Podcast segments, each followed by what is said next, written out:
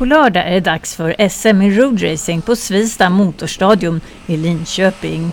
Håkan Stensby är en av många från Linköpings motorsällskap som ska åka SM på hemmaplan. Och han hoppas inte på strålande solsken på lördag. Det ska stå som spön i backen. Det ska inte vara någon tvekan på att det är blött ute utan det får regna så mycket det bara kan. Det ska göra ont i huden bakom skinnstället eh, av regndropparna. Då är det som bäst.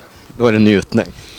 Ja, då, är det, då vet man att det är plaskblött överallt. Och det finns ingen tvekan på att det är det ena eller andra. Det är snorhalt, det går fort som attan.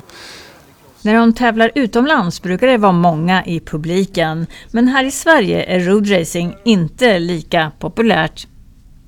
Om eh, det kommer tusen i publik så är det bra. Kommer det fler så är det ännu bättre. Men eh, i Sverige är det en politisk fråga mest. Motorsport har fallit de sista 30 åren egentligen. Det, det är fult, det, får, det låter, det luktar.